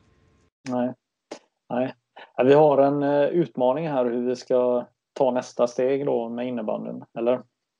Det har vi definitivt. Eh, och, och någonstans, produkten finns ju här. Alltså, det, det är ju en underhållande sport. Alltså, det är, så fort man pratar med någon utomstående som inte har så speciellt bra koll på, på innebandy överlag så folk tycker det är kul att kolla på. Och då är det synd att det ska fallera på en så enkel bit som egentligen så själva sändningarna. För att jag menar, så här, kolla bara på samhället vi lever i, vilket jävla... Jag ska, du kan ju sätta upp någon liksom en mobiltelefon och du skulle kunna gå och streama liksom från ett sarghörn, liksom, från en, en annan kameravinkel. Sätta upp en GoPro, liksom så här, det, med väldigt enkla medel skulle man kunna höja nivån avsevärt tror jag. Eh, så det, det finns en utmaning och jag tror inte att den är så svårlöst. Det gäller bara att eh, rätt, eh, rätt folk som, som tar tag i det. Ja, nu är det dags för lite eh, tittarfrågor, eller på att säga, eller läsarfrågor. Jag vet inte, tittarfrågor. Ja, ja, de sitter inte och tittar live. Men... Nej, de sitter inte och tittar. um, ska vi se här. Du, du, du, du. Oj, vad mycket frågor det är här. Uh, Linus Floorball 77 undrar vad är dina bästa tips om man ska skjuta volley?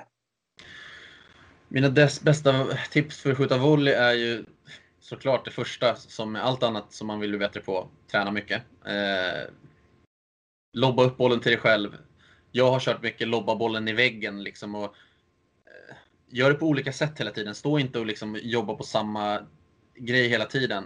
Till att börja med, liksom, jobba med olika typer av, skicka bollen i väggen eller i taket och jobba med lite olika snabba och långsamma reaktioner.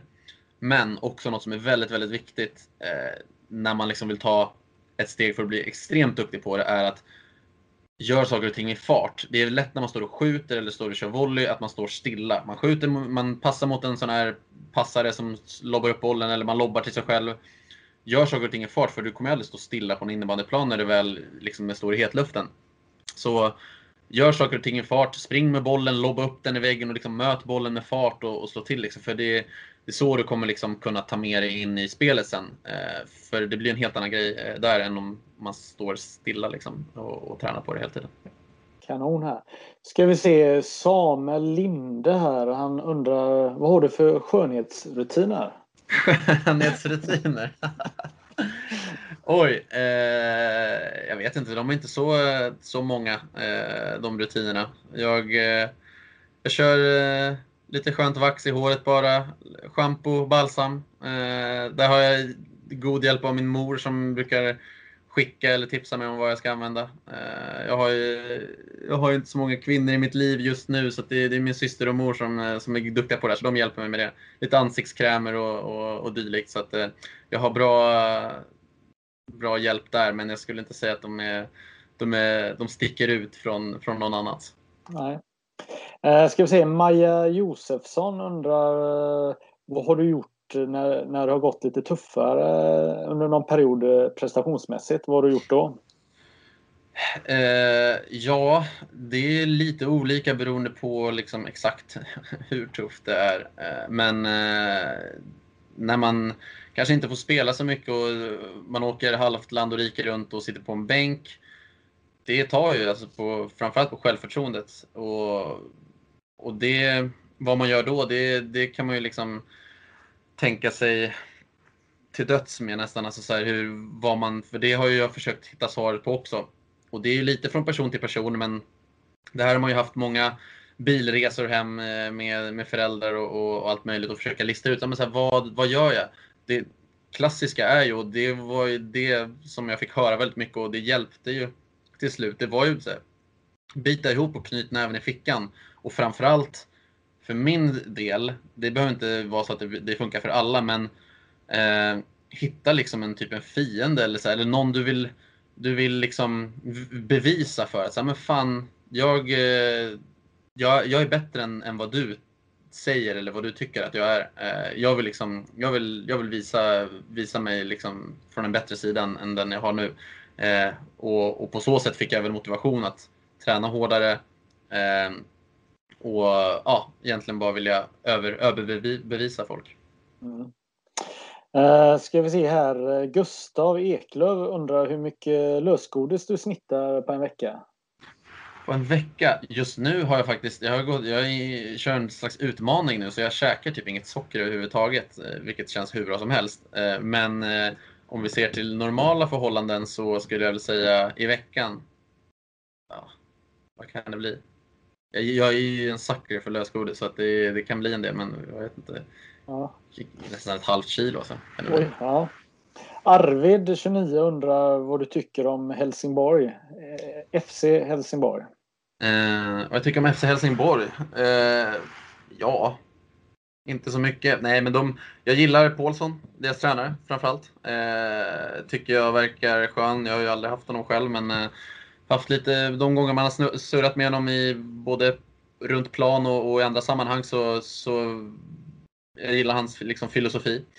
Eh, och och liksom Helsingborg som lag har väl tagit ganska stora steg just den här senaste säsongen och spelar väl en ganska, ganska kul innebandy så att eh, ja, det är inget lag som jag önskar något dåligt men, eh, ja.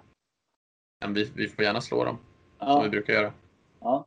Ska vi se här. Filip undrar vad, vilka som är dina favoritmotståndare och favorithall?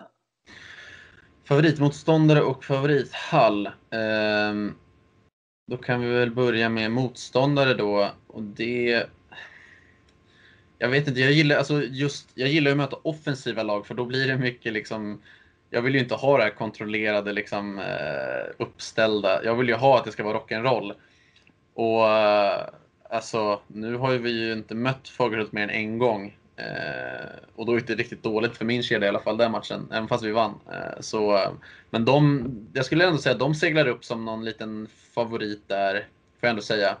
Eh, samtidigt som jag tycker Växjö är ganska roliga att möta också för de också så här, vill alltid gå på kontring och snabba omställningar och spela mycket anfallsinnebandy. Så att det, det, får väl vara, jag säger väl Växjö då. Eh, ja. Och eh, favorit Hall. Fan, det låter som att jag har något, något speciellt för Växjö, men jag tycker deras hall är skitnice också. Fortnox. Ja. Bra golv, skön inramning, gillar att det liksom är läktare som ett U eh, liksom runt, runt om. Så att, eh, den, den är god. Uh, A. Eriksson 19, han eh, undrar vem du tycker är den bästa tatueraren i Göteborg. Rykte säger att du har lagt under nålen. ja, det, A. Eriksson är ju min lagkamrat Anton Eriksson eh, som eh, själv har en jävla massa tatueringar. Men eh, nej, men det kan ha hänt att jag har lagt mig under nålen eh, den senaste, de senaste veckorna. En liten, jag har inte så mycket tatueringar, eller jag har ingen förutom just de två som jag gjorde då.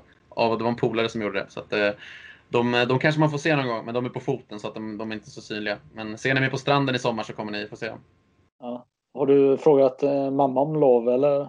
Hon vet inte om det. Hon sitter på nedervåningen just nu så att, eh, jag hoppas att eh, det är tätat i väggar och tak och golv här så att det inte hörs ner för då kanske det kommer ett mm. skrik här snart.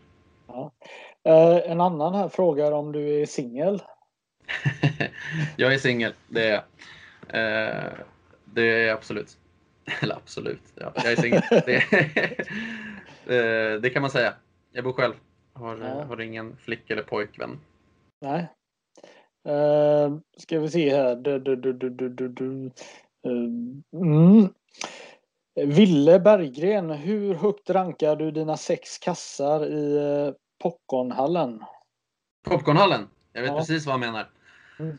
Eh, det är ju alltså eh, Vibax Patriots hemmaarena som jag inte kommer ihåg exakt vad den heter. Eh, men jag kommer ihåg att jag tweetade. Almia, va? Eller ja, precis. Ja precis. Jag tweetade efter den matchen jag var uppe och spelade där att det var, det, det var min favorithall och det kan jag väl stå fast vid att den kanske fortfarande är för att då gjorde jag sex, det var med Järfälla, då blev det sex mål och vi vann i, i sadden där uppe. Men det starkaste minnet jag har från den matchen och den hallen som jag bara spelat i en gång då, det var att eh, de hade en kafeteria som låg väldigt nära ingången till själva hallen. Och där hade de en popcornmaskin så att den luk det luktar ju väldigt gott när man poppar popcorn. Det är ju smör och det är liksom och det, den doften spred sig ner i ena sarghörnet så att i ena sarghörnet så luktade det popcorn under matchen och jag blev så glad. Eh, liksom, jag, jag tyckte det var så härligt att det liksom här springer man ner i hörnet och liksom ska fightas om boll så bara Fan vad gott det luktar här, det luktar popcorn. Då blev man liksom lite sötsugen där mitt i allt. Och jag vet inte, det kanske inspirerade mig på något sätt för det gick ju ganska bra för mig den matchen som sagt. Ja, ja härligt. Um, du är med i det här Memo. Uh, Precis. Kändisar som skickar hälsningar. Vad, hur har det gått för dig? Ja, alltså anledningen till att jag är med där är inte för att jag ska försöka tjäna några pengar eller har storhetsvansinne över mig själv. Det är faktiskt min barndoms min bästa polare Tobias som har grundat den appen. Så att, eh, jag var en av de första som var med där. Först och främst som, liksom, som för att vara lite schysst. I, inte för att kanske innebandyspelare står högst på marknaden, men, men ändå någon slags igenkänningsfaktor finns det väl. Så att, eh, så att jag, eh, jag är med där. Nu har det avtagit ganska mycket, men i början så var det lite grann när man liksom la upp någon liten blänkare på Instagram om att man fanns där och, och man kunde skicka. Det var såklart mycket polare som kom in och larvade sig och skulle ha eh, hälsningar och sådär. Eh, men, eh, men lite, lite har det skickats i alla fall. Framförallt nu under, under pandemin så har det, det är ganska bra sättat. Ja, men det är några lag som har velat ha lite tips på hur de ska träna nu när de inte fått, alltså ungdomslag som inte har kunnat få träna ihop, hur de ska sköt, liksom hålla igång eh, klubba boll och sånt där. Så att, eh, det är alltid kul att skicka iväg lite sådana såna tips. Ja. Eh, jag tänker, eh, du fick ju lite uppmärksamhet här förra året. Är du en djurvän? Absolut, verkligen. Det är jag. Inte för att jag haft så mycket djur själv. Jag har typ aldrig haft ett riktigt Jag har en dvärghamster och lite fiskar typ. Men, men alltid haft en, liksom, en, en väldigt ja, men djurvänlig liksom, eh, sida. Så att eh, det har jag absolut. Sen det kan nog bli att det blir någon hund eller katt framöver. Men nu, nu det vart ju en liten fågel som, som ramlade ner i knät på en den här gången. Ja, alla vägar, eller det finns inga dåliga vägar till media. Jag menar, Nej, du, som, du, som, du som innebandyspelare fick komma till olika medier och prata om vad hette han nu? Ivan. Ivan, precis. Ja. Hur, ja. Var det, hur, hur var den tiden? Ja, som sagt, det var ju det var lite speciellt. Det var väl någon slags känsla av att hur det hade varit om innebandyn hade varit riktigt jäkla stor. Att få kastas mellan olika intervjuer och olika mediehus och som liksom SVT och, och, och TV4 och sådär. Eh, det var jättekul på väldigt många sätt. Eh, roligt med uppmärksamheten och att det, liksom, att det uppskattades liksom ändå dels det vi gjorde men också på det sättet så här, jag valde att dokumentera det på. Att folk tyckte att det var roligt, kul, liksom en, en rolig take på det hela.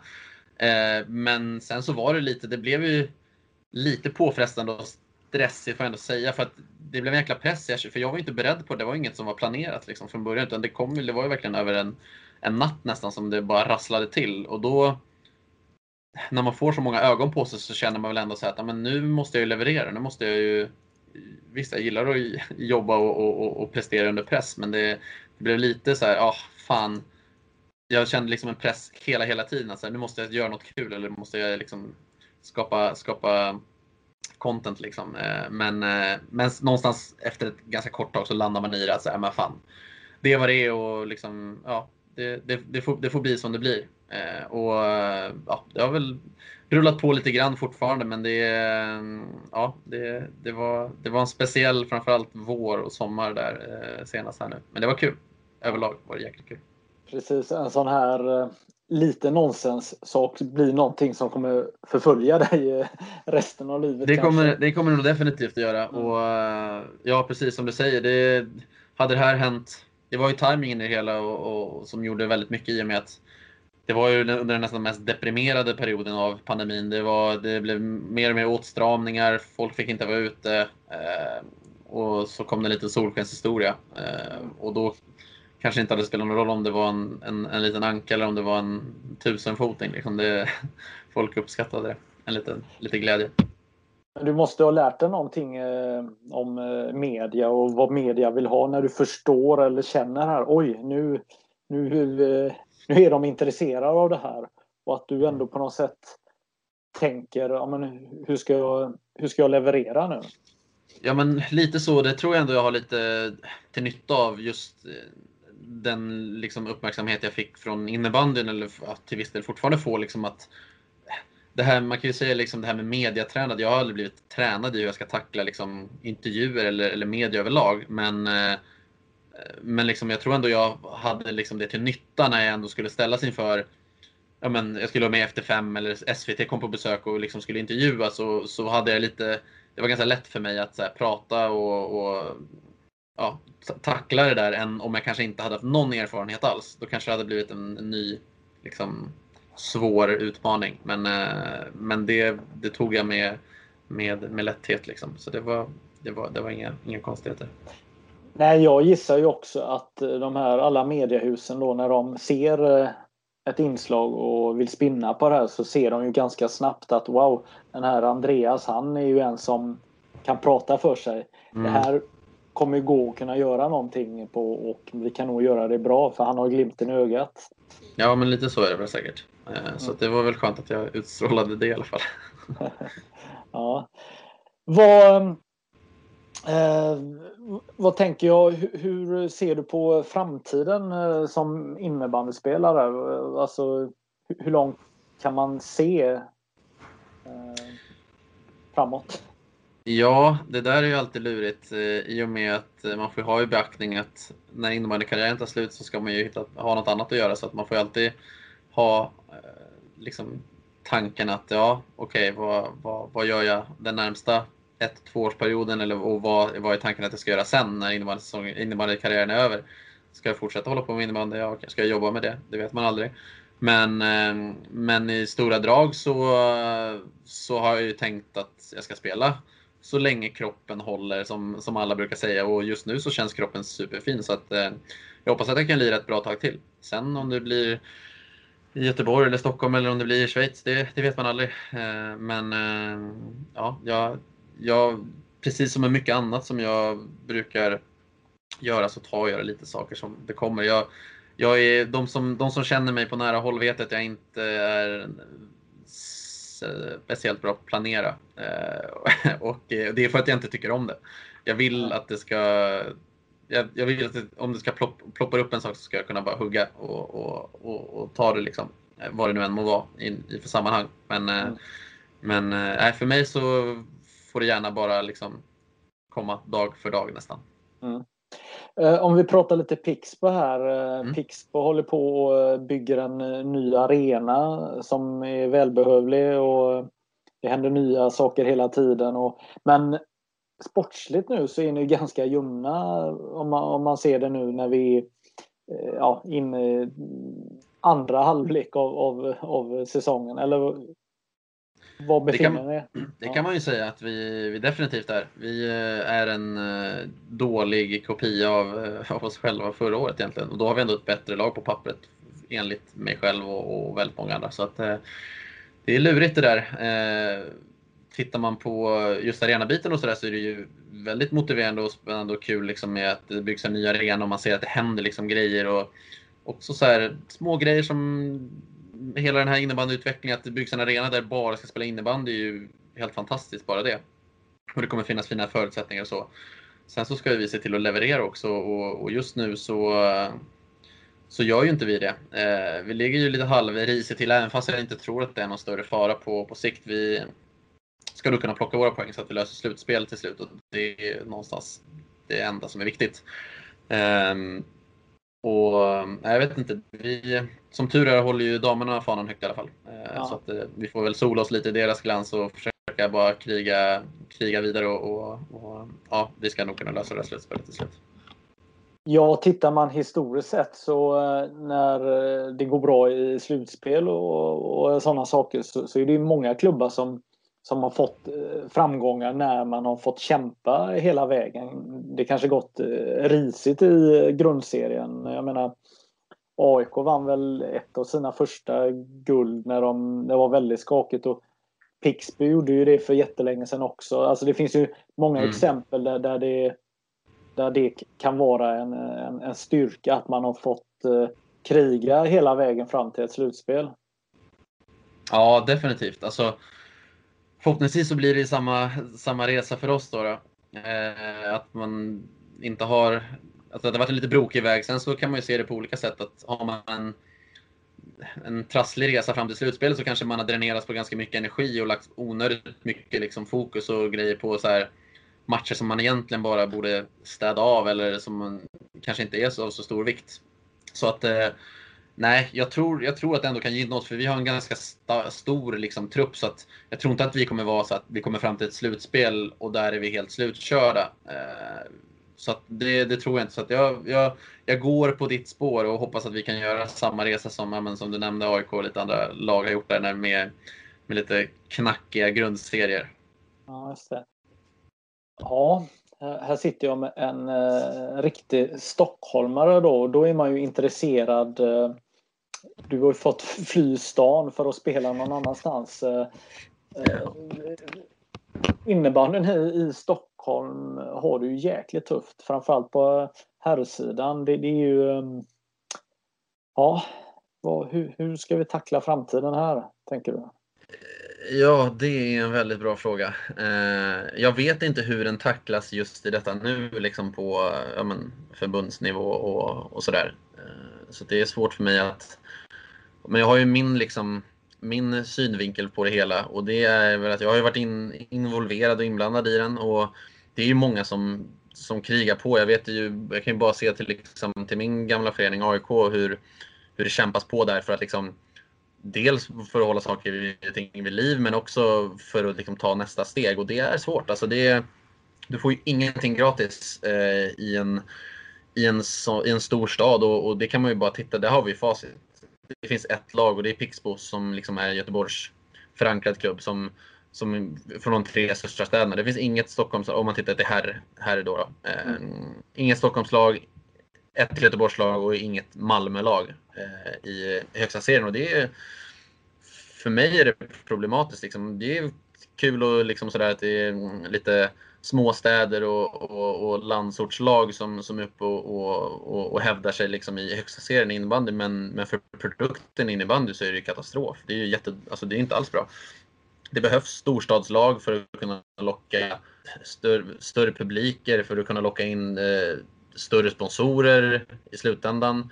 Sen att man är långt därifrån just nu, ja absolut. Men, eh, men eh, jag kan inte sätta finger på exakt liksom vad det är som saknas. Men, men i grund och botten så tror jag att det handlar, alltså, precis som alltså, saker och ting moderniseras och som fotboll och allting sånt där. Och det är ju pengar, pengar styr. Eh, och, och det måste in pengar för att kunna, precis som du var inne på tidigare med produktion och sånt inom liksom, av matcher. Att eh, med mer pengar så kan man ha proffsigare eh, produktioner. Med mer pengar så kan man göra coolare matcharrangemang. Eh, med mer pengar så kan man, ja, det finns, det finns väldigt mycket, mycket som löser sig med, med, med det. Och ja, hur skaffar man det? Pengar? Ja, då får man vara lite driftig och lite företagsam och just en sån här grej som typ publikfrågan.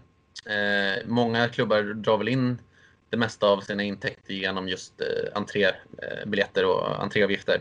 Eh, men där, där har jag haft vilda diskussioner med, med klubbledningar och, och, och eventgrupper eh, eh förut. Att jag är av den liksom, bilden att så länge det kommer folk hit, sen om det är 100 pers av de 1500 som är här som betalar, så kommer i alla fall de komma tillbaka. Bjud dem på matcher, bjud framförallt unga spelare eller unga liksom klubbar och, och, och, och deras tränare och, och, ta med deras föräldrar på matcher också. Och liksom så att det ändå blir en stämning och en inramning för att om du har 200 pers som, som betalar och så är det de 200 som är där inne. Då är det alla vet ju ungefär hur det är som har varit på en innebandymatch, det är 200 pers. Det, det är ganska trist liksom och det är ingen jätterolig inramning. Medan är det över 1000 pers där och, och det är 100 eller 150 som har pröjsat. Ja, men de kommer fortfarande handla i kiosken. och De kommer fortfarande liksom, de kommer få en så mycket, mycket bättre upplevelse. Eh, så att jag tror att det handlar om att liksom hitta sätt att locka folk till innebandyn för att det är, det är som allt annat. Jag kommer inte, folk kommer inte betala för en produkt som de inte liksom känner sig helt trygga i och vet exakt vad det, vad det handlar om. Eh, och på samma sätt med innebandyn. Eh, jag hade inte gått och betalat eh, 120 spänn eller vad det kostar för att gå och kolla på, på, på liksom utomhusbandy. För att liksom, jag, vill jag se det så kan jag väl kolla på nätet men jag tycker det, det liksom, jag brinner inte för det. Och, men hade jag blivit bjuden på en match kanske och jag hade känt någon som spelat eller liksom det hade varit en rolig upplevelse. Det, det bjuds på någonting där eller det är en rolig halvtidsgrej eh, liksom och, och, och, alla sådana bitar. Det är, en, det är en häftig match med, med bra inramning. Då får jag ju mer smak och då kommer jag ju vilja gå igen. Så det handlar ju om att så här, sälja in produkten innebandy bra till, till folk. Eh, och, och det tror jag inte man kan göra genom att tvinga folk att, att betala liksom 150 spänn liksom för att gå och kolla på en, på en bottenfight i Superligan eller en mittenfight i Allsvenskan. Liksom. Det, det går inte. Eh, och där är vissa lag jättebra på att göra det.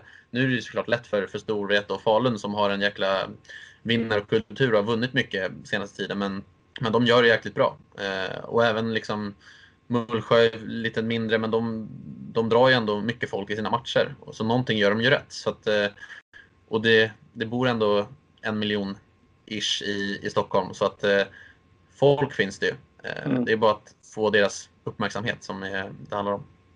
Ja, jag tänker ju nästan 25 procent av alla spelare finns i Stockholmsområdet och eh, konkurrensen är ju, är ju stenhård. Jag, jag tänker det måste finnas en, en ganska stor frustration bland eh, innebandyspelare i, i Stockholm att man faktiskt är, är tvungen att flytta för att kunna spela i högsta serien jämfört med hur det var för 15 år sedan när det var massa lag från, från Stockholm. Eh.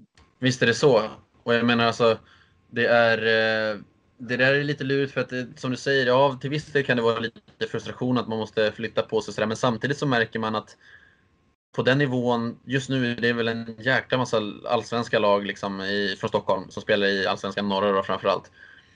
Men att det är, en, det är en så salig blandning av vissa som verkligen vill någonting och vill framåt med sin innebandy och vill ta sig upp och alla vill bli bättre och så här, men, men vissa är ganska bekväma i att så här, men det är gött att lira med polarna här i Stockholm och oj, det råkade visst gå lite bättre än förväntat. Och, och, och just det tror jag är det lite dilemmat som gör att vi har sex eller sju lag i Allsvenskan som är från Stockholm istället för att ha två eller tre lag som är riktigt bra och samla de bästa spelarna så, eh, så landar man liksom i att det är lite halvpolare som lirar och så är det någon jäkligt vass gubbe där som, som skulle kunna byta lag men han har sina bästa polare där och känner att nej men jag, jag pallar nog inte lägga ner den tiden eller jag har mitt arbete vid sidan av som jag prioriterar mer. Och då, då är det lite lurigt att, och, och, och knixa ihop det där. Men jag tror att det är långt ifrån omöjligt. Och med rätt satsning och med rätt folk bakom rodret i, i några av de här föreningarna så, så tror jag att man på lång sikt kan, kan ta liksom, Stockholms innebandyn framåt och uppåt. Och det hoppas jag mm. verkligen också eh, själv för att det, det, det kommer gynna innebandyn eh, på sikt. Mm. Om vi byter stad och vi pratar Göteborg. Du är ju inflyttad eh, från Stockholm till, till Göteborg. Hur uppfattar du att eh, att eh, namnet Pixbo, hur, eh, alltså när du berättar att du är innebandyspelare och spelar Pixbo. Eh, eh, klubben är väl eh, etablerad eh, i, i folks medvetande i Göteborg? Eller vad? Absolut, absolut visst är det så. Eh, och där när man pratar med folk som kanske inte har någon inblick i innebandy så antingen så har de hört talas om det eller de vet att liksom, ja, men, det är alltid den här klassiska, ja, men jag spelar Pixbo, jaha men då spelar då är, då är, det är ju på hög nivå. Ja, men liksom, ja det, det, kan man säga.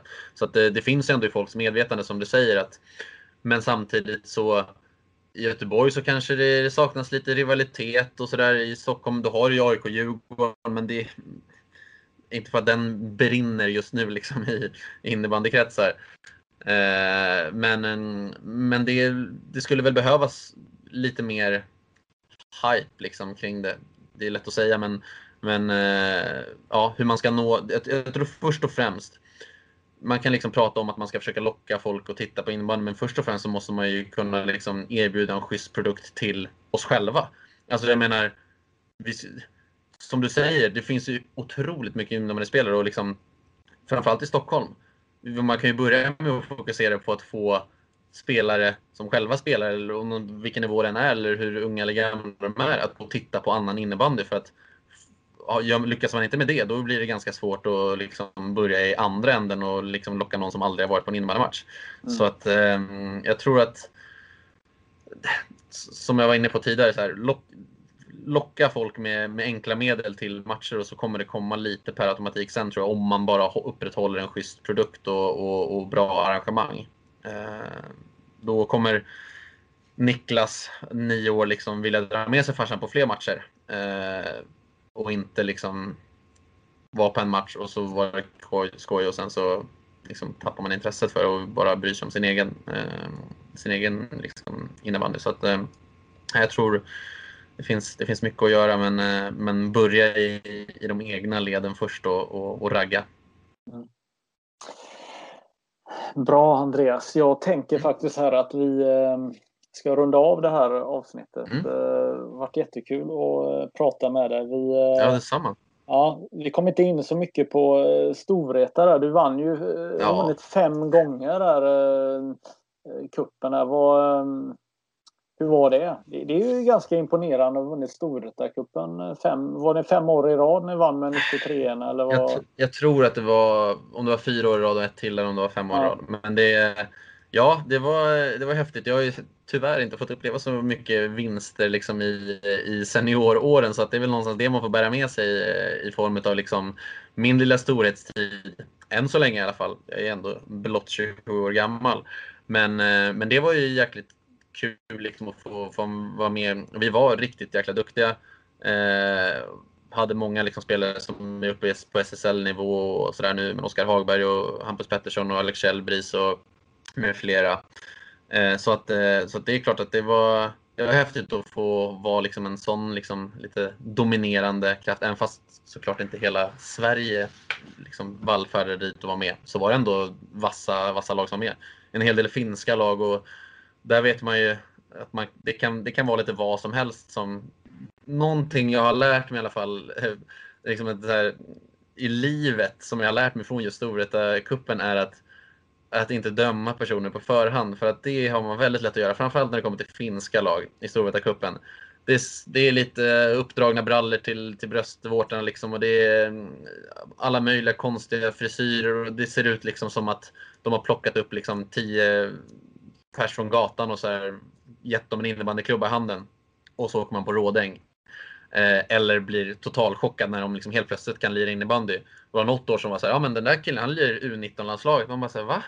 Vad fan? Jaha, ja det fick man ju reda på sen. Eller det såg man ju sen i alla fall när man hade mött honom. Att, eh, så att eh, ja, det har varit jäkligt roliga, roliga år och det, de saknar man ju såklart väldigt mycket. Härligt avslut här. Vi, eh, ja vi, vi tar det som avslut här, Storvreta-cupen. Och de galna finnarna. Mm. Eller hur? Eller hur? Ja. When you make decisions for your company, you look for the no-brainers. And if you have a lot of mailing to do, stamps.com is the ultimate no-brainer. It streamlines your processes to make your business more efficient, which makes you less busy. Mail checks, invoices, legal documents, and everything you need to keep your business running with Stamps.com. Seamlessly connect with every major marketplace and shopping cart. Schedule package pickups and see your cheapest and fastest shipping options from different carriers. With rates up to 89% off USPS and UPS rates. And with the Stamps.com mobile app, you can take care of mailing and shipping wherever you are. Make the same no-brainer decision as over 1 million other businesses with stamps.com. Sign up with code program for a 4-week trial plus free postage and a free digital scale. No long-term commitments or contracts. That's stamps.com. Code program.